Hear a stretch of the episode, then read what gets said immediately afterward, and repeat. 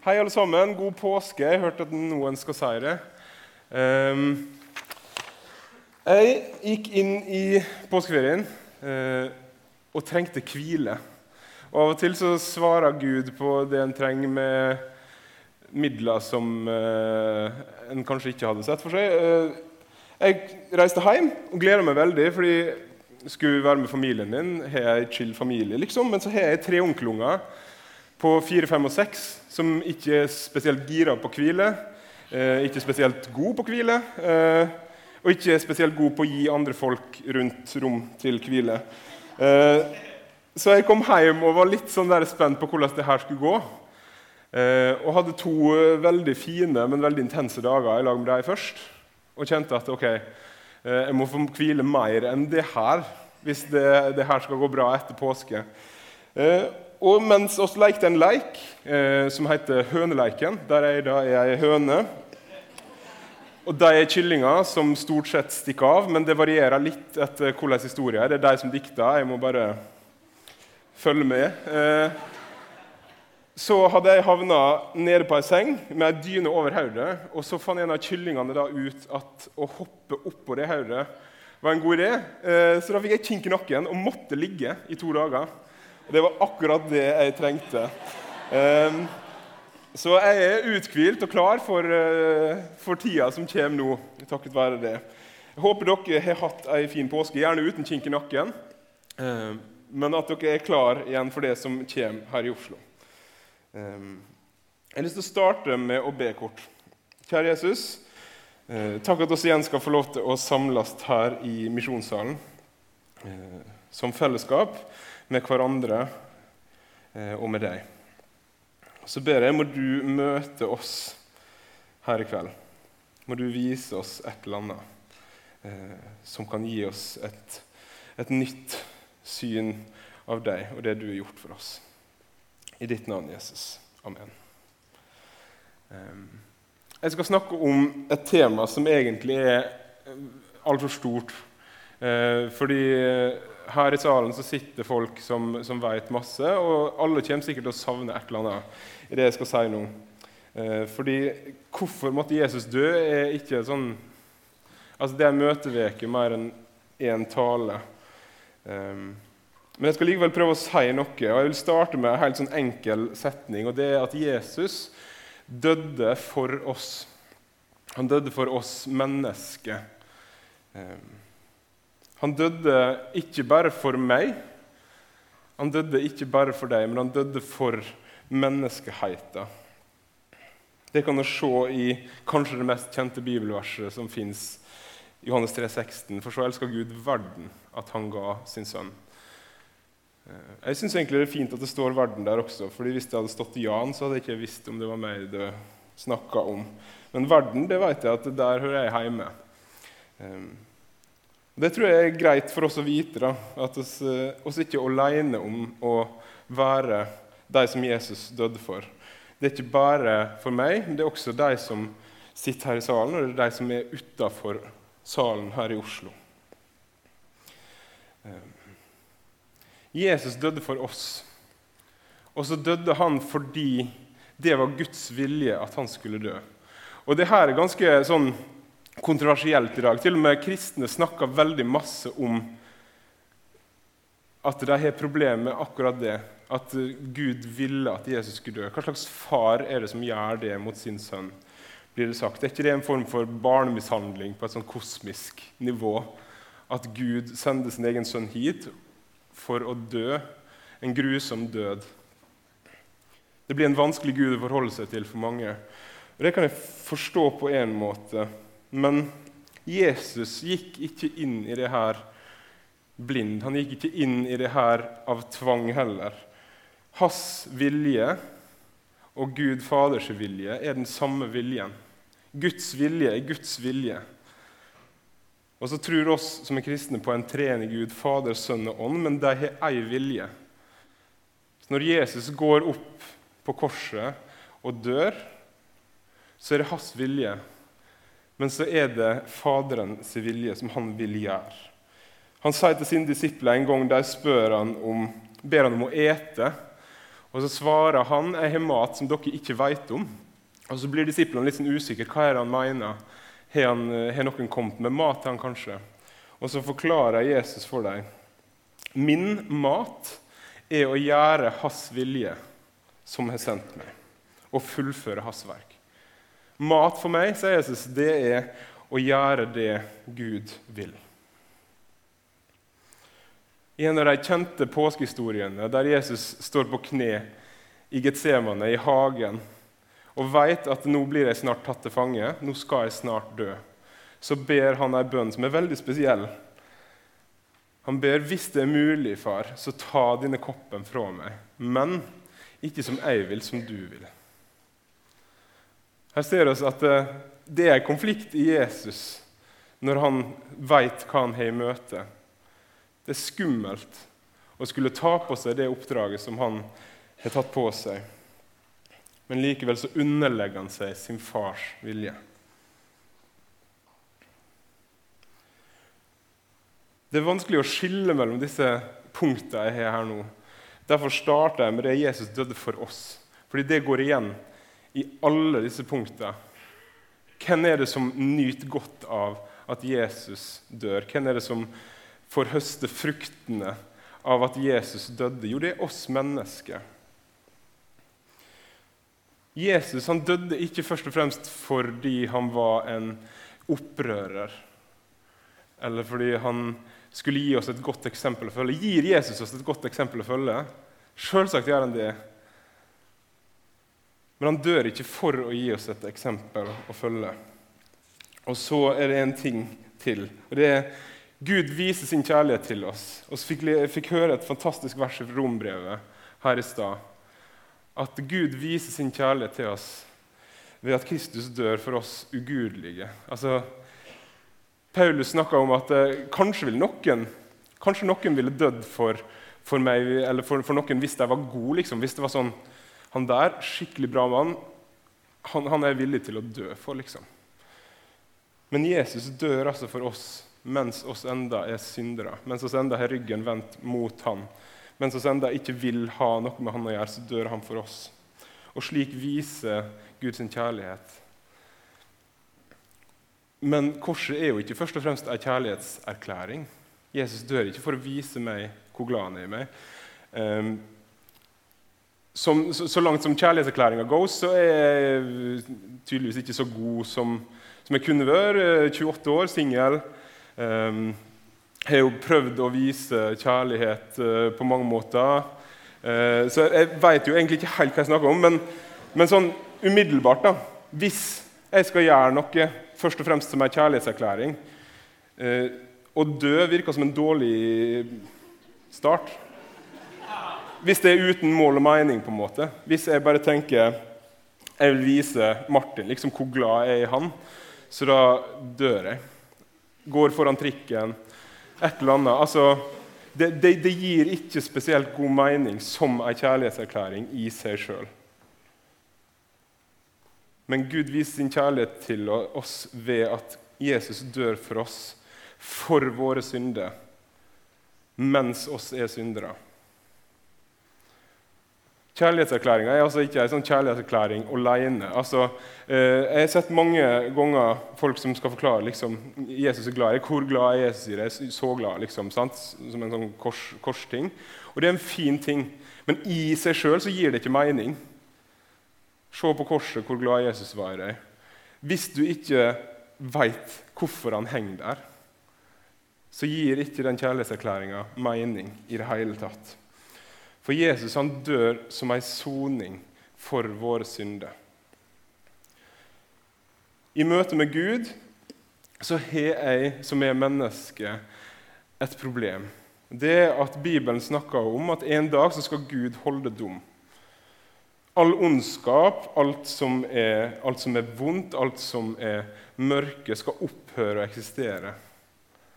Det skal, det skal, måte, det skal få sin dom, og så skal det være en tilværelse der Gud skal ha med seg sine, og der det skal være ingen tårer, der det skal være fred, der det skal være kjærlighet, der det skal være glede. Og Jeg har et problem der fordi jeg er ikke bare kjærlighet, fred, glede, godhet. Tvert imot så gjør jeg ganske mye drit, tenker ganske mye drit. Og det gjør jeg fordi jeg er en synder. Og når, en, når Gud, da, en god Gud, skal felle dom, en rettferdig dom, så betyr det at det er ikke gode nyheter for meg i og for seg. Men så vil Gud ha med meg å gjøre. Han vil ha en relasjon til meg, og han vil ha en relasjon til deg. Hele Bibelen vitner om dette. Helt ifra en kan lese i starten om Adam og Eva som et av frukta som de ikke fikk lov til å ete av, og synd og vondskap kommer inn. Det neste som skjer nesten i Mosebok, i starten av første Mosebok, det er at Gud gir et løfte om at en dag så skal han komme med frelse. Han skal komme og redde mennesker fordi han ønsker relasjon til oss. Han ønsker en relasjon til meg. I starten, Helt i begynnelsen av Bibelen så kan vi lese om hvordan Adam og Eva går omkring i Edens hage sammen med Gud. Helt nært. På en helt vanlig dag så går de i hagen i lag med Gud. Og sånn vil Gud ha det med oss også. Og så har oss alle disse tinga. Og Bibelen beskriver det som et skyldbrev, et gjeldsbrev, som står der mot oss. Og det er gjeld som oss aldri kunne betalt. Altså, det, hvis, hvis, det hadde vært snakk om et lån i en norsk bank, så hadde du aldri fått det lånet du ba om. Hvis det var, hvis det var en sånn gjeld du kom til å sitte igjen med. Banken hadde visst hadde ikke sjans til å betale tilbake igjen det her. Men han blir altså sendt fra Gud for å sone vår skyld. Han blir et menneske, og så går han omkring og lever det livet som oss skulle levd. Han lever i tråd med Guds vilje. Han er god mot alle. Og så dør han som om han skulle være en forbryter. For meg. En tekst som snakker om dette, er i Det gamle testamentet, i Jesaja, som er skrevet noen hundre år før Jesus kommer til jorda. Og Der står det i kapittel 53.: Sannelig, våre sykdommer tok han. Våre smerter bar han. Oss tenkte han er ramma, slått av Gud og plaga. Men han blei såra for våre lovbrudd, knust for våre synder. Straffa lå på han, oss fikk fred. Og ved hans sår så fikk oss legedom. Oss gikk oss alle vill som sauer, hver tok sin egen vei. Men skylda som oss alle hadde, den lot Gud ramme han. Når Jesus blir ei soning for våre synder, så blir oss forsont med Gud. Den brutte relasjonen som var der, er nå gjenoppretta.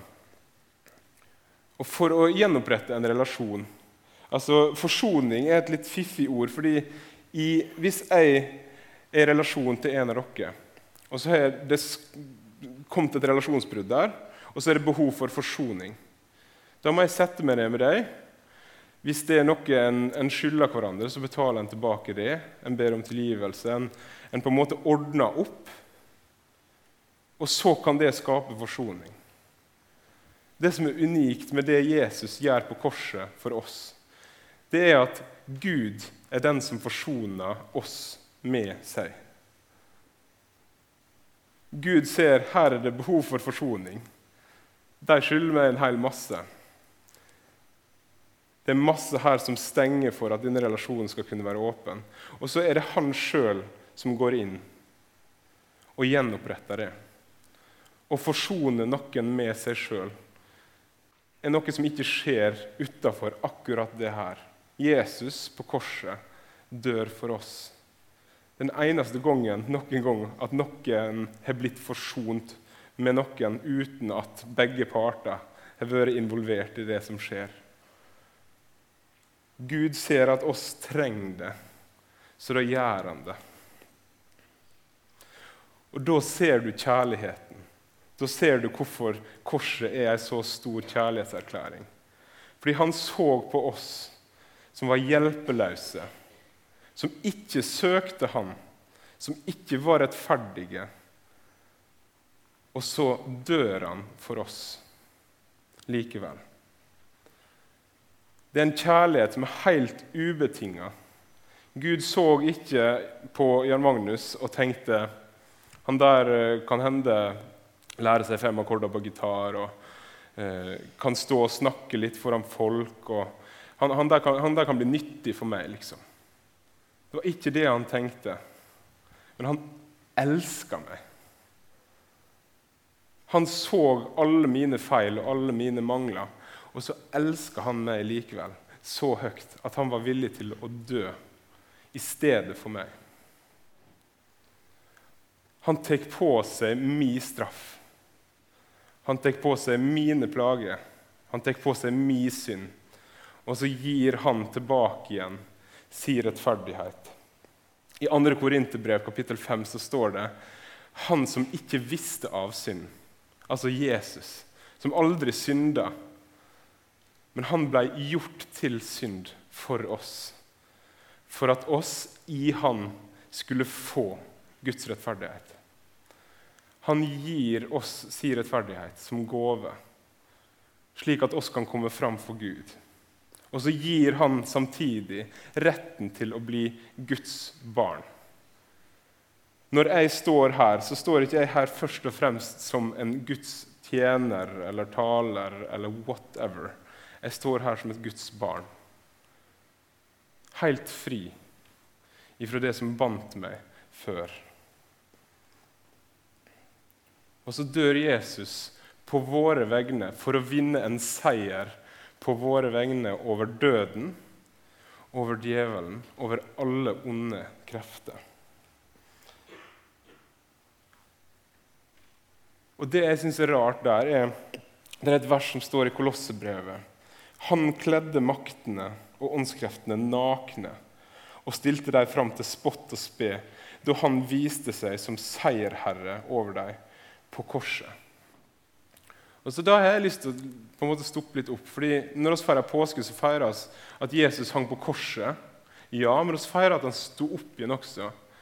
Men her står det jo at seieren blir vunnet på korset. Det gir jo ikke mening. Er det ikke den tomme grava som på en måte Er det ikke da seieren skjer? Men det står altså her Han viste seg som seierherre over dem på korset.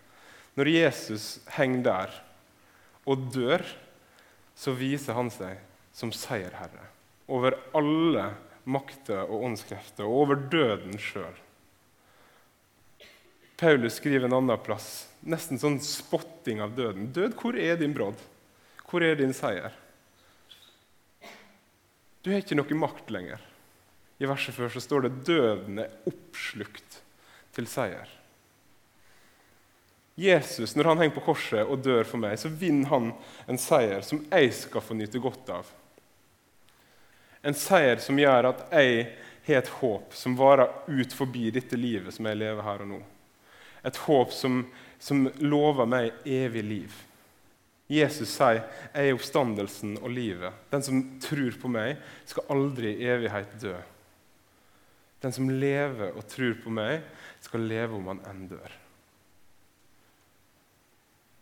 Jeg får lov til å leve i den trua at når jeg tror på Han som døde for meg, så skal jeg leve evig.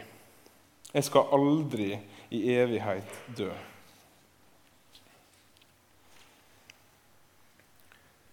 Som jeg snakka om i stad, så ønsker Gud en relasjon til oss. Jesus gir oss rett til å bli Guds barn når vi tror på ham. Ikke tjener, ikke gitarist, ikke whatever, men Guds barn. Jeg får være Guds barn. Og Den veien er det Jesus som åpner for meg. I Hebreerbrevet får vi lese om hvordan Jesu blod virker for oss. I Det gamle testamentet kan vi lese om hvordan israelsfolket ofra igjen og igjen og igjen for, for å få sont synder til folket. Hvert år så møttes de, og så var det ny soning. Og så står det i Hebreerbrevet men Jesus gikk ikke inn med blod av bukker eller kalver. Han gikk inn med sitt eget blod, og så kjøpte han oss fri for evig, står det. Og så åpna han veien helt inn til Gud. Når oss ber til Gud, så gjør oss det i kraft av det som Jesus gjorde. Det er han som har åpna veien. I tempelet i Jerusalem så var det et svært forheng som hang og dekte mellom der folk kunne være, og der Gud bodde. Svært forheng. Når Jesus dør, så revner det forhenget. Og så er veien inn til Gud åpna. Når jeg ber, så ber ikke jeg som en liten, en liten ubetydelig fis som på en måte som kommer fram for en, en, en konge som jeg ikke kjenner, for å liksom be om eh, ja, åkeren min, åkeren min, er for liten, kan jeg få litt til uh, Ikke det, nei. snakkes der, kongen. Det, det min far jeg kommer inn for. Når jeg kommer inn til Gud og ber, så ber jeg til min far på grunn av det Jesus har gjort. Så når Jesus dør, så skal vi lese fra Hebreeren 10, så har oss da søsken frimodighet ved Jesu blod til å gå inn i helligdommen, dit han er innvia en ny og levende vei for oss gjennom forhenget, som er hans kropp. Og Siden vi har en så stor prest over Guds hus, så la oss komme fram med oppriktig hjerte og full visshet i trua, med hjertet rensa for vond samvittighet og kroppen bada i rent vann. Gud har åpna veien for meg helt inntil seg. Dette skjedde uten min fortjeneste, uten min involvering i det hele tatt. Jesus døde for meg mens jeg fortsatt var hjelpeløs. Jeg skal avslutte med noen vers til fra hebreerbrevet, som for meg oppsummerer i veldig få ord hva det er Jesus egentlig dør for. Det er disse ordene her, fra hebreerbrevet kapittel 2. Gud ville føre mange barn til herlighet. Jeg snakker om at Gud vil være far for oss. I starten snakka jeg om at uh, han er ikke bare død for meg, Jesus, men han er død for alle mennesker. Og her står det Gud ville føre mange barn til herligdom. Han, hans herlighet, det er det håpet som jeg har. Kristne snakker gjerne om himmelen. Det er denne herligheten som blir nevnt i dette verset. At når jeg lever her og nå, så er ikke det det endelige. Målet for mitt liv er ikke å ha 80 helt greie år her, der jeg forhåpentligvis får råd til å kjøpe minst én bil som faktisk er den årsmodellen som det året jeg lever i, eh, eller ha en grei jobb, eller ha en familie med snille unger, eller et eller annet sånt. Det er ikke målet for mitt liv. Målet for mitt liv er at jeg i en hel evighet skal få lov til å være sammen med Gud og med Jesus. Der han lover at det ikke skal være noe mer tåre, ikke noe mer vondskap. Men der jeg bare skal få være, og der jeg skal få være slik han tenkte det i utgangspunktet. Jesus døde for meg, ja, men han døde først og fremst for menneskeheten. Så når oss i eh, misjonssalen samler inn penger til misjon, eller noe sånt, så er det jo fordi vi tenker at det er folk som Jesus har dødd for der ute, som ikke har hørt om han. Og det er vi nødt til å gjøre noe med. Gud ville føre mange barn til herlighet. Gud vil ha flere som kommer til Jesus, og som får retten til å bli Guds barn. Jeg skal be kort til slutt. Kjære Jesus, takk for at du kom og døde for oss. Jeg ber må du hjelpe oss til å se mer og mer av det det betyr. Så ser du det jeg har sagt noe om her i kveld. Så ser du alt det som jeg ikke har sagt noe om her i kveld. Jeg ber må du, må du gi oss eh, en nysgjerrighet og en undring over det du har gjort for oss. Takk for din kjærlighet som drev deg til å dø for oss. Og takk, far, for at oss på grunn av det Jesus har gjort, skal få komme helt fram for deg og være kjøpt fri. Og kunne få tilgivelse for det oss har gjort gale. Kunne vite at din nåde den er ny for oss hver dag som går. Jeg ber meg om at vi må få lov til å leve med deg som far. I ditt navn, Jesus. Amen.